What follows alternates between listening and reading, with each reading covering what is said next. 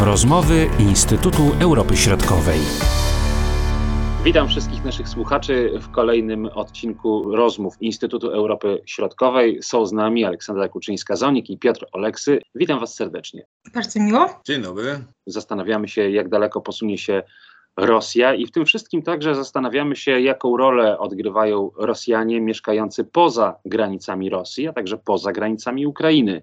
Dobrze wiemy, jak wygląda społeczność rosyjska mieszkająca na przykład w takich państwach jak Litwa, Łotwa czy Estonia, a także te środowiska, które sympatyzują z państwem Putina, które znajdują się w Naddniestrzu na przykład, czy w Mołdawii. I o tym także za chwilę będziemy mówili. Może rozpocznijmy od państw potocznie nazywanych państwami nadbałtyckimi. Jak tamtejsi Rosjanie odnoszą się do wojny na Ukrainie? Y, może zacznę od tego, że bardzo często y, mówi się o osobach rosyjskojęzycznych bez e, tutaj zwracania uwagi na przynależność e, narodową.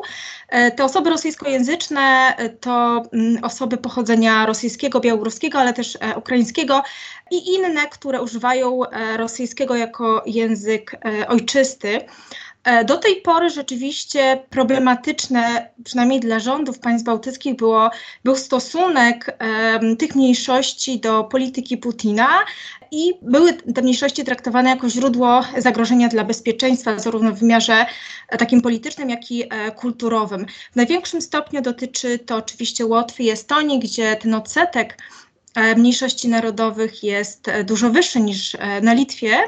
E, no niemniej jednak e, wszystkie te trzy państwa podejmują, czy podejmowały w dalszym ciągu podejmują działania właśnie ukierunkowane na e, integrację, czy ograniczanie udziału języka rosyjskiego w życiu publicznym. A do tych osób trafia ta propaganda putinowska? No mieszkają przecież na zachodzie powiedzmy, prawda? Mają dostęp do źródeł nierosyjskich, mogą je porównywać, widzą co się dzieje. Zdjęć z Mariupola raczej w telewizji rosyjskiej się nie zobaczy.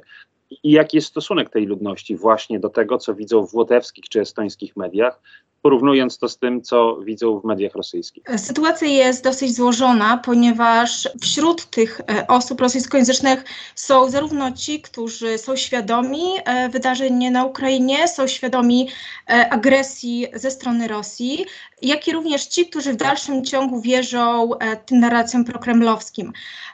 Natomiast co jest istotne, ten odsetek e, osób właśnie o nastawieniu prorosyjskim maleje z roku na rok. To jest oczywiście pozytywny skutek również działań informacyjnych, strategii informacyjnych e, w państwach bałtyckich. Niemniej jednak istotne jest to, że, że jest bardzo duża grupa osób, która E, nie dowierza zarówno mediom e, narodowym, e, mediom państwowym na Litwie, Łotwie i Estonii i mediom rosyjskim. W ostatnich badaniach opinii publicznej na pytanie, czy właściwie wydarzenia mm, na Ukrainie E, jest to wojna Rosji, czy, czy jednak wewnętrzna sprawa Ukrainy, około połowa osób nie miała zdania. Jest to bardzo, e, bardzo znaczące i właśnie e, tłumaczone jest jako pewnego rodzaju problem tożsamościowy tej grupy ludności. Bardzo ciekawe. A jak to wygląda z punktu widzenia Mołdawii, Naddniestrza? Czy tutaj jest podobny problem, czy, czy niekoniecznie? Piotr Oleksy.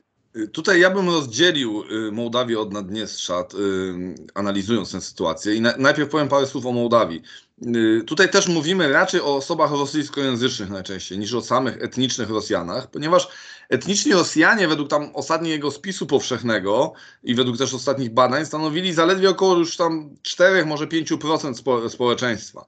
Natomiast ludność rosyjskojęzyczna, w skład której zalicza się również tak naprawdę Ukraińców często, Y, Gagauzów, y, Bułgarów i mniejsze mniejszości etniczne, czasami nawet by można powiedzieć również Mołdawian etnicznych, to ta, ta ludność stanowiła, no i tu zależy za, według jakich badań, ale załóżmy, że od 20 do 30%. Ja wiem, że to jest dosyć duży rozdźwięk, ale, ale za, zależy, tak jak mówię, no, są to badania bardzo, bardzo, bardzo trudne, bo ta deklaratywność języka rosyjskiego no, to jest coś, mm, coś płynnego.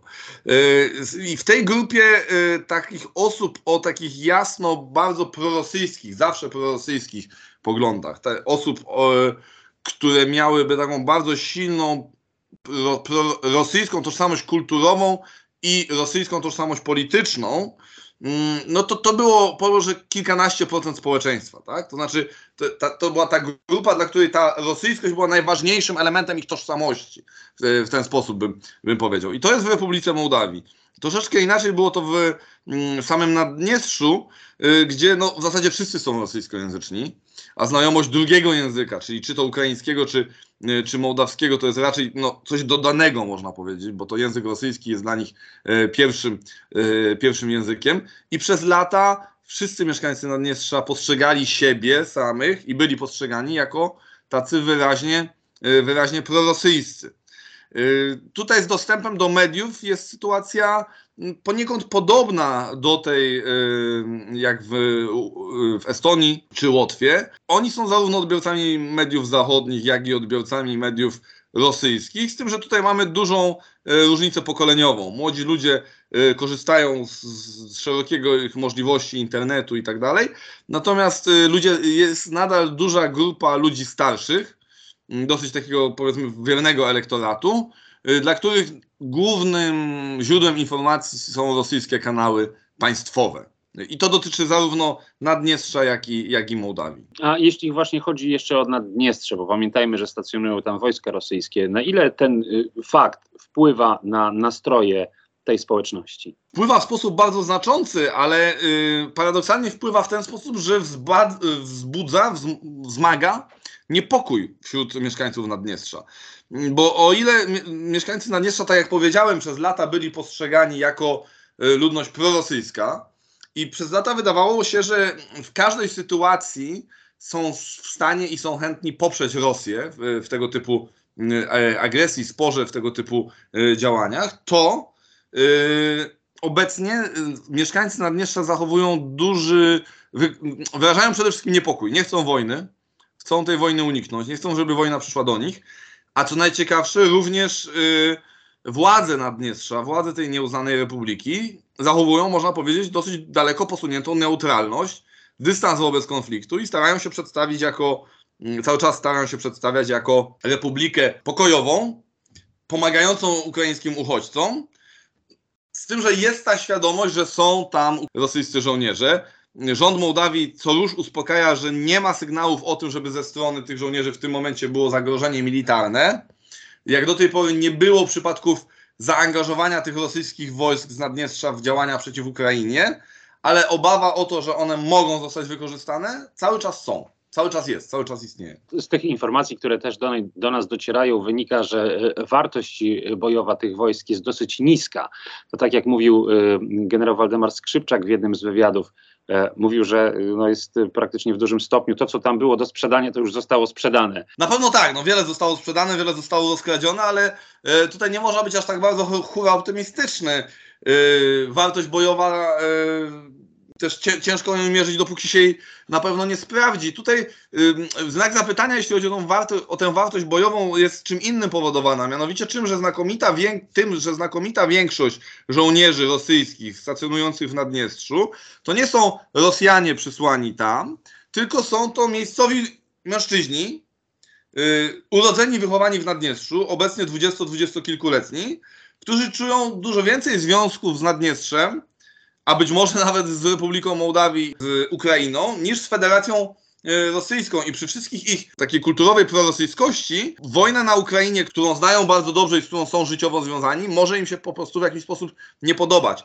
I patrząc na morale wśród żołnierzy, którzy przyjechali, zaatakowali Ukrainę z terenów Federacji Rosyjskiej, patrząc na to, jak one są słabe, te morale, no to możemy zastanawiać się, jakie te morale byłyby wśród żołnierzy rosyjskich z Naddniestrza, którzy tak naprawdę są, to jest miejscowa ludność. No byśmy się nie musieli przekonywać, jakie jest to morale w praktyce. Natomiast wracając do państw y, nadbałtyckich, czy w ostatnim czasie były jakieś niepokojące sygnały dotyczące no właśnie jakichś niepokojących zachowań, czy jakichś demonstracji na terytorium Estonii, na terytorium Łotwy, czy Litwy, jakieś wystąpienia, które właśnie tutaj mogłyby być bardzo niepokojące? W pierwszych dniach wojny pojawiły się informacje o pewnych incydentach e, w stosunku, takich negatywnych w stosunku do y, lokalnych e, właśnie osób rosyjskojęzycznych. I rzeczywiście to się pojawiało zarówno na Litwie, Łotwie i w Estonii, do tego stopnia, że decydenci w tych państwach postanowili zaangażować się, występując właśnie w obronie tych lokalnych Rosjan, lokalnych Białorusinów, którzy po prostu byli atakowani głównie słownie ale te ataki również dotyczyły dzieci. Pojawiały się właśnie takie negatywne komentarze w mediach społecznościowych, e, właśnie o tym, że sympatyzują e, z Rosją, e, więc no, bardzo silnie tutaj przywódcy państw bałtyckich podkreślali, że są to jednak patrioci, że, że to są um, no, mieszkańcy, obywatele tych państw. Natomiast druga strona medalu to są obecnie obserwowane ataki w stosunku do uchodźców z Ukrainy. Jest to bardziej incydentalne, natomiast i znowu E, pojawiają się takie informacje, czy, czy właściwie te narracje są sączone głównie przez, przez media społecznościowe, przez strony internetowe w języku rosyjskim, czyli e, oznacza to, że w jakimś tam stopniu ta propaganda rosyjska w dalszym ciągu działa. E, po agresji e, Rosji na Ukrainę wiele kanałów e, telewizji rosyjskiej, właśnie tej prokremlowskiej zostało e, zamkniętych, zawieszonych.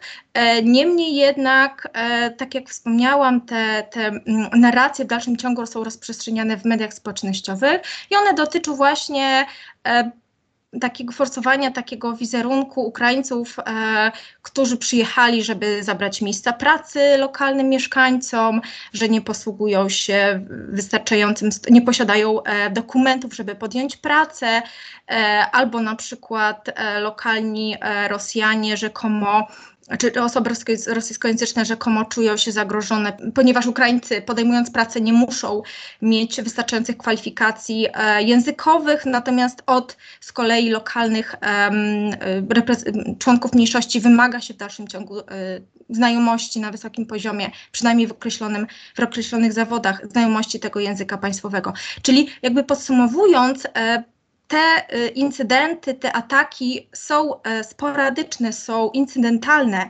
No niemniej jednak zarówno dotyczyły lokalnych mieszkańców, lo, lokalnych Rosjan czy Białorusinów, ale również tych Ukraińców, którzy posługują się językiem rosyjskim, ale jakby w takim e, pierwszym wrażeniu e, nie, mm, jakby nie, nie można było wnioskować, e, czy, jakiego, czy są to właśnie Rosjanie, czy, czy Ukraińcy, tak?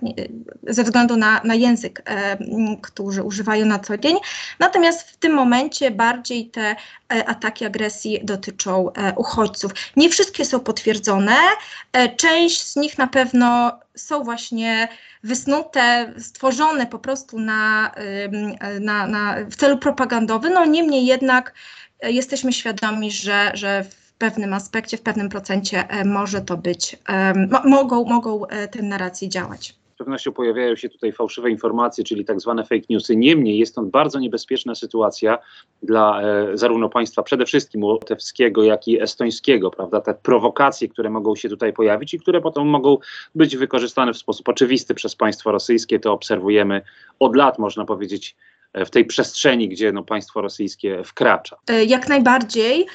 E, poza tym e, myślę, że jeden pro, kolejny problem może się w dłuższej perspektywie pojawić, e, czyli no właśnie ta solidarność w stosunku do, do Ukraińców, do uchodźców i chęć pomocy takiej długofalowej, bo członkowie mniejszości e, narodowych i etnicznych w państwach bałtyckich z reguły charakteryzują się niższym standardem życia, e, niższym statusem społeczno-ekonomicznym, więc być może w dłuższej perspektywie czasu nie będą chciały te osoby ponosić pewnych kosztów, bądź po prostu będą niezadowolone z tego, że część e, pomocy, część środków trafia właśnie do uchodźców, a nie do nich, więc mogą tym bardziej być rozczarowani państwem. Przypomnijmy jeszcze, jak mniej więcej procentowo wygląda udział tej społeczności rosyjskojęzycznej y, zarówno na Litwie, jak i na Łotwie i w Estonii. Na Litwie jest około 5-6%, y, na Łotwie jest około 30, 32, natomiast w Estonii no trochę mniej, między 25-26. E, oczywiście to zależy od regionów, natomiast e, w takim ujęciu ogólnym tak, tak te procenty wyglądają. Natomiast też jeśli chodzi o skalę uchodźców, e, no nie są to jakieś znaczące liczby, Natomiast same państwa są małe, tak? Czyli jeżeli na, w, w Estonii e, i na Litwie, do, czy do Estonii i na Litwę przybyło około 20, e, ponad 20 tysięcy, na, na Łotwę nieco mniej, na, około kilkunastu tysięcy, osób, no, te y, różnice mogą y, nieco wynikać z różnych statystyk, me, meto, metod e, liczenia. Przypuszcza się również, że część e, tych uchodźców po prostu e, migruje, czy, czy przemieszcza się e, dalej na północ, więc jakby te państwa bałtyckie są e, tylko takimi tranzytowymi państwami. A jeśli chodzi o y, Naddniestrze, ale także Mołdawię, czy tutaj mamy do czynienia z jakimiś niepokojącymi y, zdarzeniami, jakimiś protestami, ewentualnymi prowokacjami, które mogły się gdzieś pojawić? Piotr Oleks. Te społeczności rosyjskojęzyczne lub kojarzone jako prorosyjskie w Mołdawii, jak do tej pory zachowywały się e, nad wyraz, że tak powiem, spokojnie i neutralnie wobec e, konfliktu. Dotyczy to nawet na przykład, na przykład Gagauzji, czyli autonomii regionu autonomicznego na południu, e, zamieszkanego przez taką mniejszość narodową Gagauzów, którzy są bardzo prorosyjscy. Ale nawet tutaj nie było jakiejś manifestacji na przykład poparcia dla dla rosyjskiej agresji. Oczywiście w cyberprzestrzeni pojawiają się fake newsy, pojawiają się próby Yy, takiego no, przeciwstawiania jednej grupy przeciw drugiej. To wszystko, o czym Ola mówiła, te wszystkie zagrożenia również są, są obecne. Tak? Te, te, takiego nastawiania społeczeństwa, pobudzenia antyukraińskich nastrojów w oparciu również o to poczucie zagrożenia socjalnego. To, to wszystko, co również w Polsce widzimy, to, to w Mołdawii także, y, także jest obecnie. Na razie nie, nie przynosi zbyt dużych rezultatów, ale z biegiem czasu oczywiście te hasła mogą padać na coraz bardziej podatny grunt. Tu bym chciał wspomnieć o dwóch e, takich bardziej niepokojących i to raczej wydarzeniach i to raczej podejmowanych przez, yy, no, pierwsze podejmowane przez władze Federacji Rosyjskiej.